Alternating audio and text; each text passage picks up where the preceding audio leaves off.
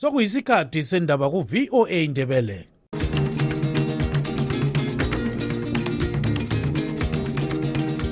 amatshono zihlobo siyalamukela kuhlelo lwethu lwezindaba eziphathelane lezimbabwe. Kustudio 7 eya voice of america sisakaza sisewashington dc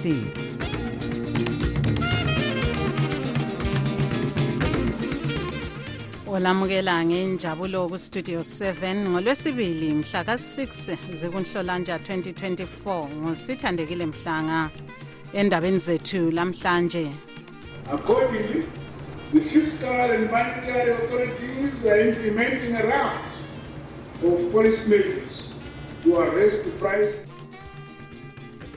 Umongameli emerson mnangagwa uthi uhulumende wakhe uhlela ukwethula ezinye indlela zokusetshenziswa kwemali kulandela ukuqhubeka kokwehla kwesisindo semali yezimbabwe yama-rtgs kuhle ukuthi uhulumende avaccinate yebo ukuthi kube nganeno kodwa kumele ukuthi kube leminye imizamo ngoba ngesilungu bathi bona eh, prevention is better than cure. Ye ukuvaccinate ngenye indlela ye-prevention kodwa kulama-root cause uhulumende uthi imizamo yakhe yokulwisana lecholera isiyehlise ukumemetheka kwalo mkhuhlane lanxa ezinye inhlanganiso isithi akulabufakazi balokhu. Imidlalo ye-2026 world cup izadlalelwa emazweni amathathu abalisayo lemelika mexico lecanada kuthi ama-finals emidlalo le azadlalelwa enew jersey e-america zonke lezi ndaba lezinye lizozizwa kuwona lo umsakazo.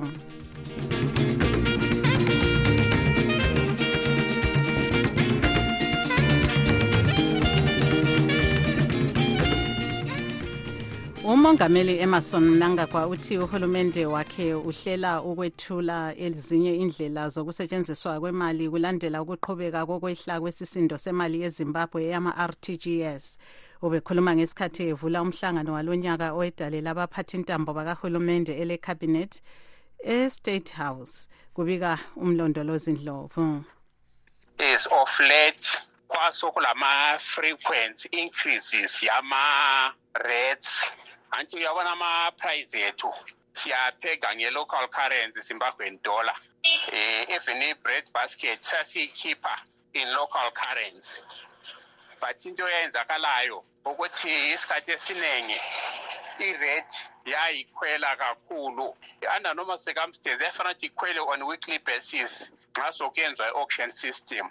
But of late kwasokutholakala kumarket at times kube lama-daily review ama-rates. So khonokho kwakwenza ukuthi ngesinye isikhathi i-bread basket yathi iphuma izinto have been taken by events and uh, we are also happy ukuthi of late during the past week kwasokutshengisela ukuba lokhu-stability okuncane. So thina sikhangelela i-more improvement from there. Singathi yilokhu ikhuphuka intengo yempahla njalo abantu bayenelisa. Intengo yempahla iyakhuphuka. Eh abantu ukuyenelisa yebo in the sense yokuthi every day uyahlangana lo muntu ehamba estreetini edlile eyenzani?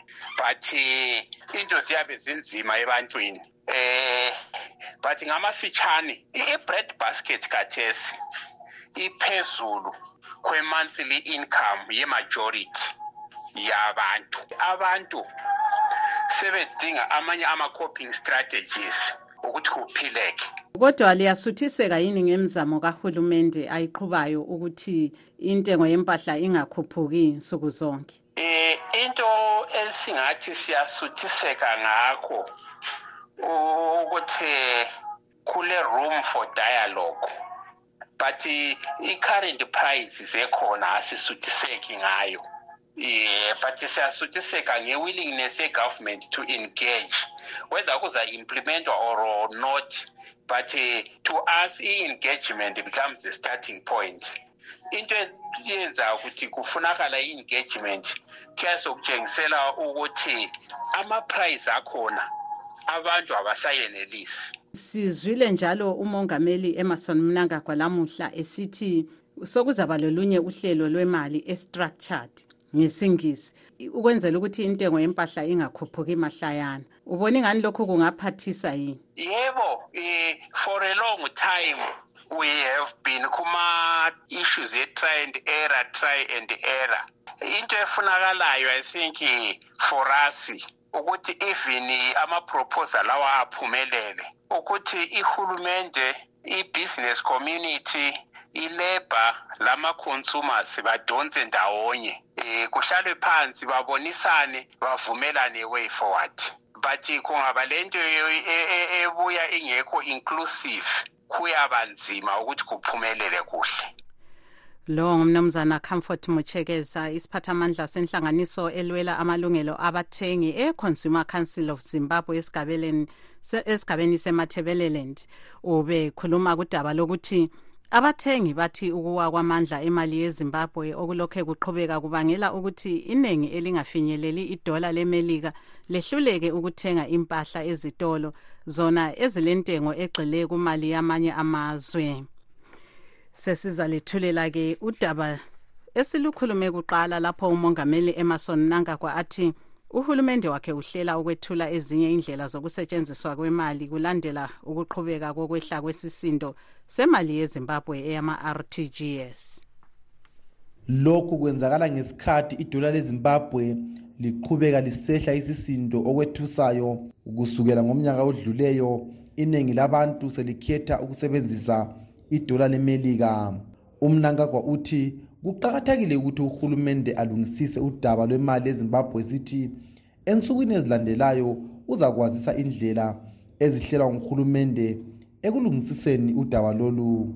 Accordingly the fiscal and monetary authorities are implementing a raft of policy measures to arrest the price sizakuza le ndlela zokwenza ukuba silungise udaba lwemali kuleli ukuze abantu babe le mali egcinekayo ezindlini sizalitshela ukuba sizakwenza njani ukuba silungise udaba lwemali kuleli. Soon be announcing the introduction of our structured currency. Umongameli mnangagwa uqhubeke esithi uhulumende wakhe uzalungisisa udubo lokukhuphuka kwentengo yempahla kuleli. Uthe uhulumende wakhe lonyaka uzakhangela kakhulu umgwaqo weharare chirundu umngcele le-forbes border post umgwaqo weharare kanyemba idamu legwayishangani lokuthuthukisa inkampani kaloliwe eye-national railways of zimbabwe.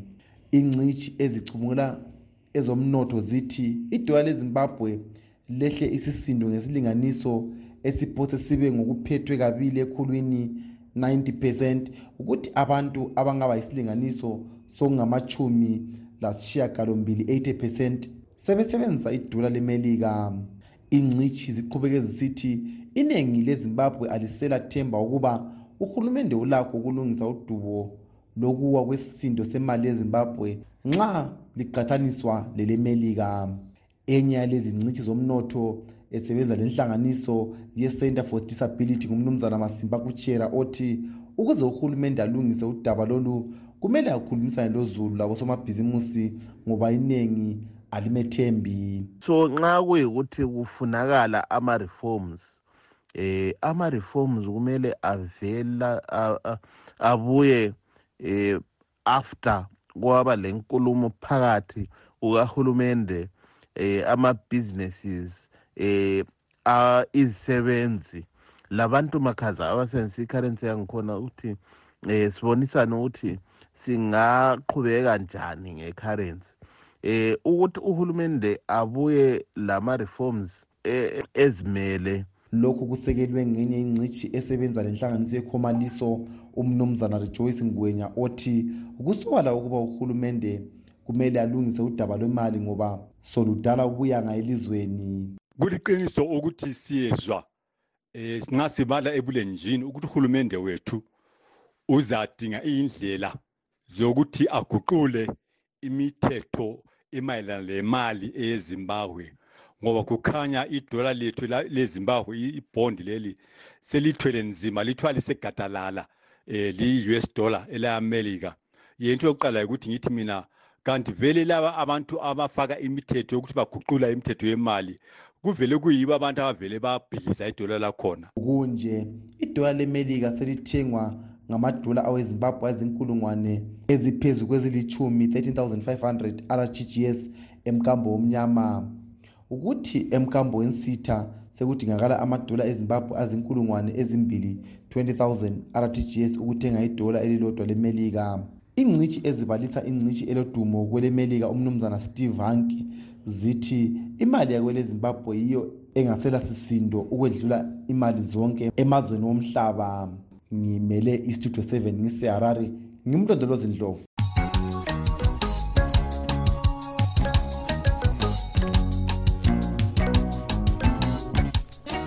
Uhulumende uthi imizamo yakhe yokulwisana lecholera isiyehlile ukumemetheka kwalo isiyehlise ukumemetheka kwalo mkhuhlane kodwa enye inhlanganiso esebenza labantu eharare lapho lo mkhuhlane obhahe khona kakhulu ithi ubufakazi balokhu abukhanye ngoba ez, ephuma ezambuzi lokhu igcwele endaweni eziningi kanti lamanzi ahlanzekileyo lawo engatholakali.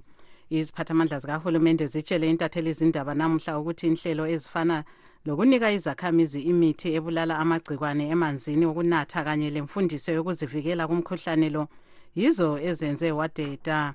Uhulumende usungule uhlelo lokunathisa uzulu imithi yokuzivikela kukholera ekupheleni kwenyanga edluleyo olwe-oral vaccination program ebambisane le-unicef le-world health organization njalo uthi abantu bathathela uhlelo lolu phezulu ngobuningi uthi ukhangelele ukujova abantu abedlula izigidi ezimbili 2.3 million. Abantu asebebulewe yikholera ezimbabwe kuze kumbe abacatshangelwa ukuthi sebebulewe yilo mkhuhlane sebesedlula amakhulu amahlanu i-501 njalo izolo kubhubhe ababili asebebanjwe yilo mkhuhlane kusukela nyakenye sebezinkulungwane ezingamachumi edlula kancane amabili. I-22.7 uh, thousand sixoxele siphathamandla senhlanganiso yeharare resident uh, trust umnumzana albert mazula. Yena othi kusakuningi okumele kwenziwe ukuze umkhuhlane wekholera wehle okukhanyayo.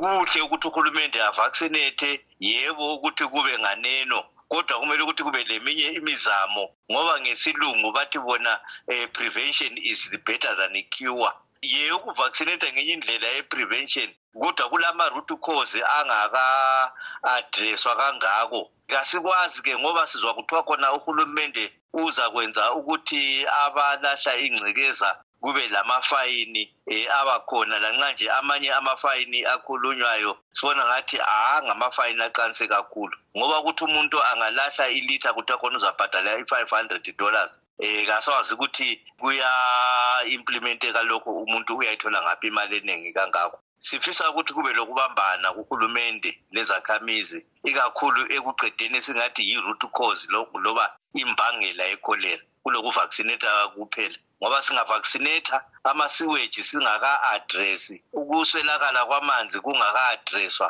angikholwa ukuthi singaqeda udumo. Siyabe silokhu sibhoda sindawo yinye. Yikho khulunywa izakhamizi awekho yini amanyathelo eliwabonayo awokulungisisa lezo zinto okhuluma ngazo? Kasikaboni imizamo esingathi thina singathi um kuba lokuba ngcono. Um kulokhu kukhona ingcekeza ungangena edolobheni eharare uzabona ukuthi ingcekeza still igcwele indawo zonke ikakhulu ungakuya kule ndawo kuthiwa copacabana laphana uyabona ukuthi kule ndawo eziningi lapho kulokho kubuthene ingcekeza njalo ziningi indawo singakhangela emalokitshini kobokuwadzana labochitungwiza kobo-highfields zonke zona zani indawo. Kule ndawo lapho obona khona ingcekeza ilokhu iningi kakhulu njalo lamanzi eh sibona udubo lwamanzi lulokhu likhona eh kalukapheli ngoba umuntu angaze avaccinatwe kodwa nxa engatholi amanzi ahlanzekileyo ukuthi ageze kuyahlupha ukuthi sithi singathi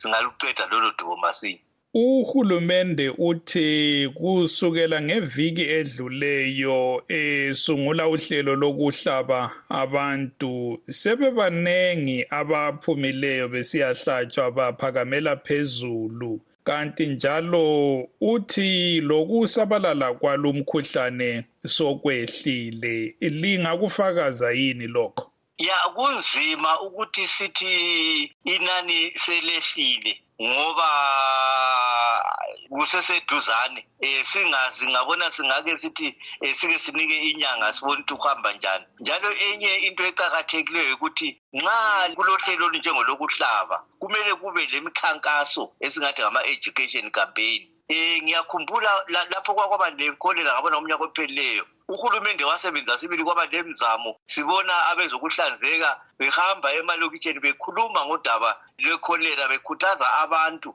ukuthi um ikholera singayinqabela njani loba singenza njani ukuthi idede. Imikhankaso mbona ngathi kulesi sikhathi kayibanga ningi kangako lowo ngumnumzana albert mazula isiphathamandla senhlanganiso ye-harare residence trust ubexoxa ecingweni lontungameli nkomo westudio 7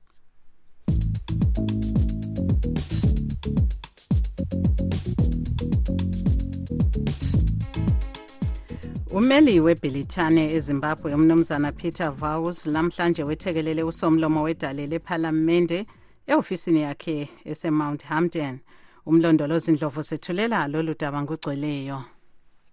Umnumzana vows wazise ukuba elebhilithane lizimisele ukukhulumisana lezimbabwe ikakhulu endabeni zombuso wentando kazulu. Sikhulume ngentando kazulu edale lephalamende sikhulume ngemthetho yephalamende lobudlelwano phakathi kwamazwe ethu. Lokho kwenzakala ngesikhathi ziqiniswa izitheziso eziqondiswe kwezinye iziphathamandla zikahulumende wezimbabwe lengatsha zikahulumende okugoqela inkampani yezomvikela eyezimbabwe defence industries zdi eziqiniswa minyaka yonke ngamazwe athuthukileyo anjenge-european union uvowels walile ukukhuluma lentathelizindaba ukuba elebhilitani lithini ngalokho okwabekwa ngabe-eu okokuqinisa izithezio zomnotho eziqondiswe kwelezimbabwe.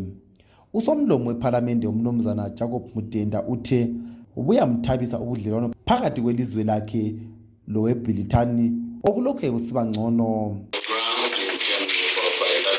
Sikhulume okuningi ngobudlelwano bethu njengamazwe womabili. Ubudlelwano bebhilithani lezimbabwe baphazamiseka kakhulu ngesikhathi uhulumende wezimbabwe aze athathele abamhlophe amapulazi kanye lokwaba kutsha umhlabathi ngomnyaka ka-2000 okulapho elebhilithani lethesa elezimbabwe izitshezo zomnotho ngenxa yokungahlonitshwa kwamalungelo oluntu lapho iqhuba lolu hlelo lapho kwakuhlukunyezwa ukutshaywa lokubulawa kwabanye abamhlophe. Ngokungena kukamongameli mnangagwa ngomnyaka ka-2017 wathembisa ukuvuselela ubudlelwano phakathi kwamazwe la womabili kodwa lanamhlanje akula okucacayo ukundlela amazwe la adlelana ngayo. Ngimele istudio 7 ngiseharare ngimlondolozi ndlovu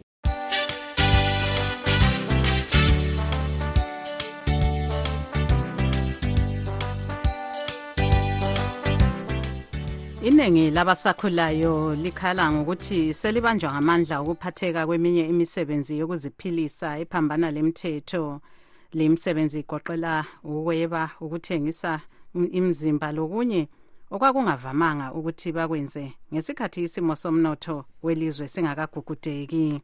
Utobias mutsingwa usethulela lolu daba ngokugcweleyo. Okwamanje abanye bahuquluza imali yamankampani lekazulu besebenzisa ubulembu be-intanethi osakhulayo wakobulawayo umqoqi ncube uthi ngenxa yokuswelakala kwemisebenzi abasakhulayo bazibona sebesenza konke abangakwenelisa ukuziphilisa. Iningi labantu abatsha baphila ngokuthengisa. Abanye nxa sibabona ku-vending khonapho uzathola ukuthi bathengisa izinto ezingekho emthethweni. Kuzokuthi abanye ngenxa yokuthi akula misebenzi uzabathola ukuthi batholakala kubugolegwele esingathi thina yi-corruption. Abanye baphila ngokuthunywa bethunywa izinto ezingayisizo. So ngakho impilo yabantu abatsha for us to put food on the table sebesenza loba yini omunye njalo osakhulayo wakobulawayo umhleli ncube uthi loba kuqhubekela phambili ukugugudeka komnotho welizwe abatsha kumele benze okusemthethweni ukuze bathole okokuzinakekela. Mina ngingathi mhlawumbe intsha ikhuthazeka ukuthi iphatheke emsebenzini yezandla. Um umuntu nxa engadinga into ehambisana laye um ayithandayo kodwa ngumsebenzi wezandla angeke alale ngadlanga. Um esalinde ukuthi ethole umsebenzi mhlawumbe ohambisana lokuqeqetsha kwakhe emayunivesithi njalo abalamakhaya um bazame ukuthi nxa umuntu engadobha imadlana aqine ngasezifuyweni. Um izifuyo ziyanda ngokuya kwesikhathi. Umuntu abe lenzuzo engamgcina.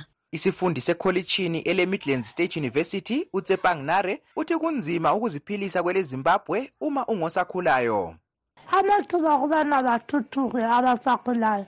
Mawuncane kakhulu. Ngoba ekuthengiseni uyathola ukuthi indawo akathengisela kizo azikho emthethweni kungakho laba basendaweni ezingekho emthethweni babexotshaniswa ngamapholisa uhulumende kungumlando wakhe ukubana akhangele akasakhulayo abone ukubana izindleko zabo zonke ziyagcwaliswa lokhu kulotshiwe kusisekelo sombuso sikhangela kusection 20 inhlanganiso ezifana leye-civil liberties and drug network kanye leye-center for sexual health and hiv aids research zimbabwe zithi ukuswela okubangelwa yisimo esibi somnotho welizwe sokusenza kube nzima ukuba abatsha beziphandele ezimbabwe. Zithi baningi abaseyizigebenga asebephila ngokubamba abantu inkunzi labathengisa ucansi ezimbabwe.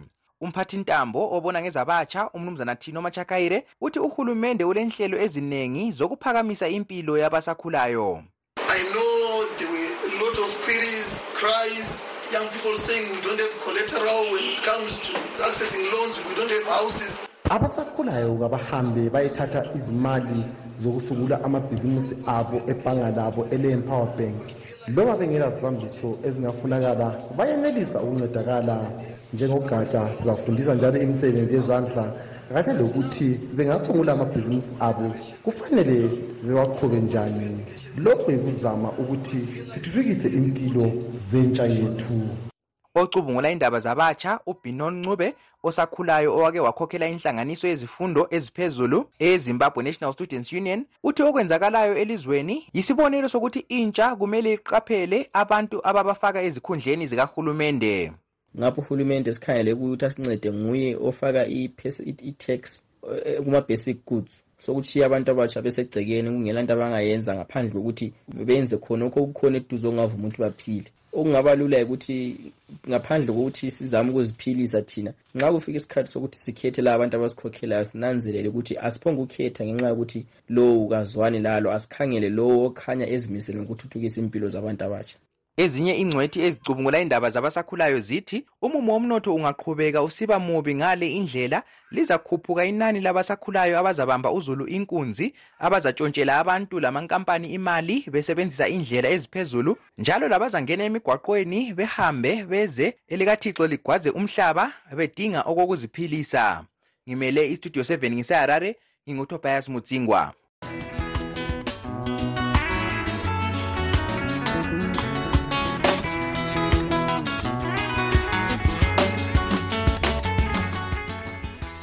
abaphila ngokuthenga bethengisa impahla bamukele ngenjabulo uhlelo lokuvikela impahla kanye lempilo yabo oluphansi kwenkampani ye-champions insurance company.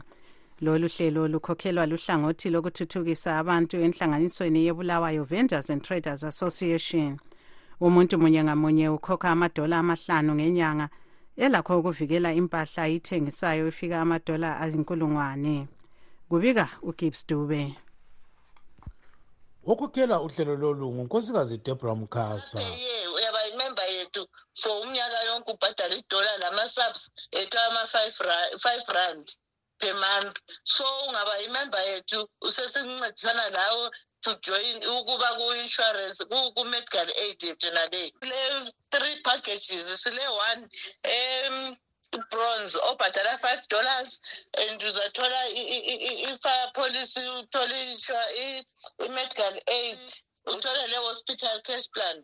So i-medical aid ethu sisebenzisa i-first mutual ubhadala every month i-five dollars uyathola ama-benefits ona lawo. Nxa ule-dependent ulibhadalela four dollars wena ubhadala five dollars. Then sibe sesiba le-silver e-ten dollars then i-gold ile nge-15 i-gold sabe sesi-includa i-insurance nxa ulemota siyakunika i-insurance yemota i-third party then for i-silver si-include i-personal accident. Ku-personal accident laphana yikusuka kwakho usiyawoda uyenze maybe accident lese usuke emagwegwe usiye emarket. Ungaba phakathi kwesikhathi phakathi kwendawo khonapho yenze accident kule cover esikunika yona ukuthi uzilaphise esibhedlela.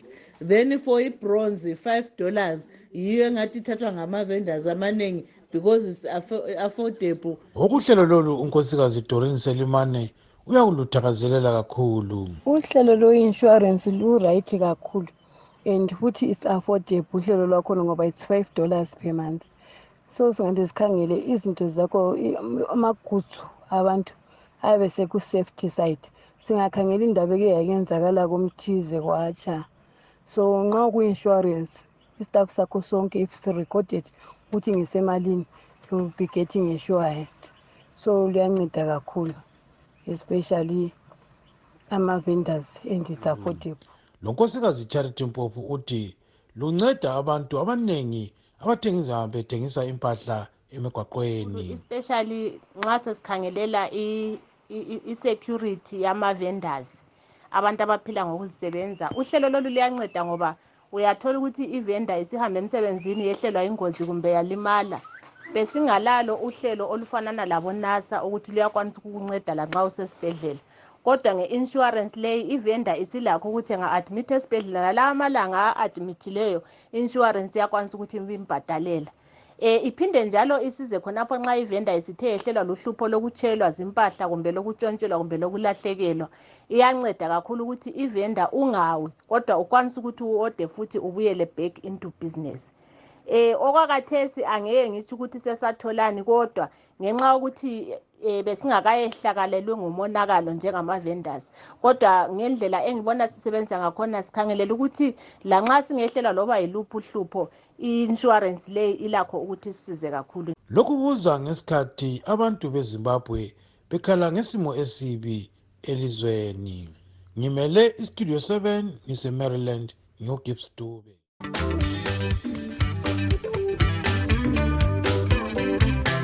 Silusizi ukulazisa ukubana sesizakuma uhlelo lwethu lwendaba zekuseni kusukisela ngenyanga ezayo ekanhlolanja olokugcina uhlelo lusakazwa mhla ka-9 hlolanja kodwa lingalahli themba ngoba konke elikade likulalela ekuseni likukhwabitha kuzabe lokhu kumunyethwe kuhlelo lwezindaba zantambama.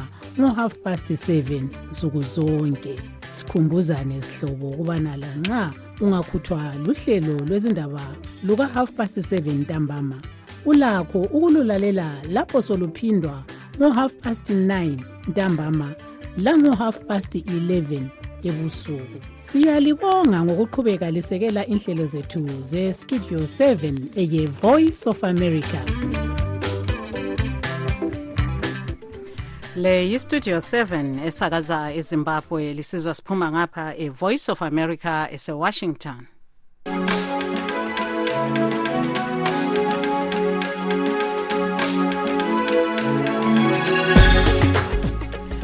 luyalandela uhlelo live talk. Namhlanje lapho ku-the connection utabo kancube uyabe exoxa labasakhulayo ngodaba lokusekela inkokheli ethile lamabandla ezombusazwe. Kungakhathalekile ukuthi balezibopho ezinganceda abantu kumbe hayi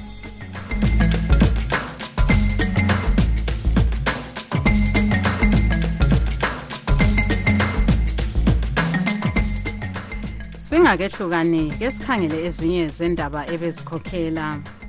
Umongameli emerson mnangagwa uthi uhulumende wakhe uhlela ukwethula ezinye indlela zokusetshenziswa kwemali kulandela ukuqhubeka kokwehla kwesisindo semali yezimbabwe yama-rtgs uhulumende uthi imizamo yakhe yokulwisana lekholera isiyehlise ukumemetheka kwalo mkhuhlane lanxa ezinye inhlanganiso zisithi akulabufakazi balokhu silugqiba lapha-ke uhlelo lwethu lwanamhlanje olivalelisayo. Yimi usithandekile mhlanga ngisithi asidibaneni njalo ngo-half past 6 kusasa ekuseni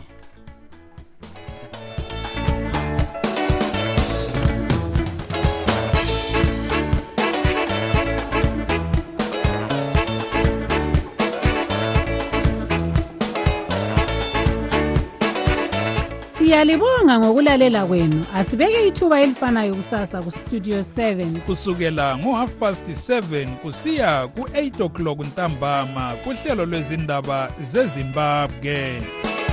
Tinotenda nekuteerera chirongwa chedu. Teererai zvakare mangwana kubva na7 p m kusvika na730 p m. Apo tinokupai nhau muririmi rweshona.